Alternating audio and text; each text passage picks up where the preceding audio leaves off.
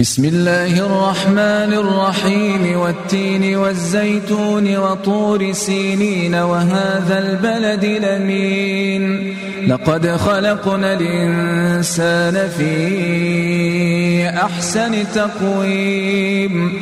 ثم رددناه أسفل سافلين إلا الذين آمنوا وعملوا الصالحات فلهم أجر غير ممنون. فما يكذبك بعد بالدين أليس الله بأحكم الحاكمين؟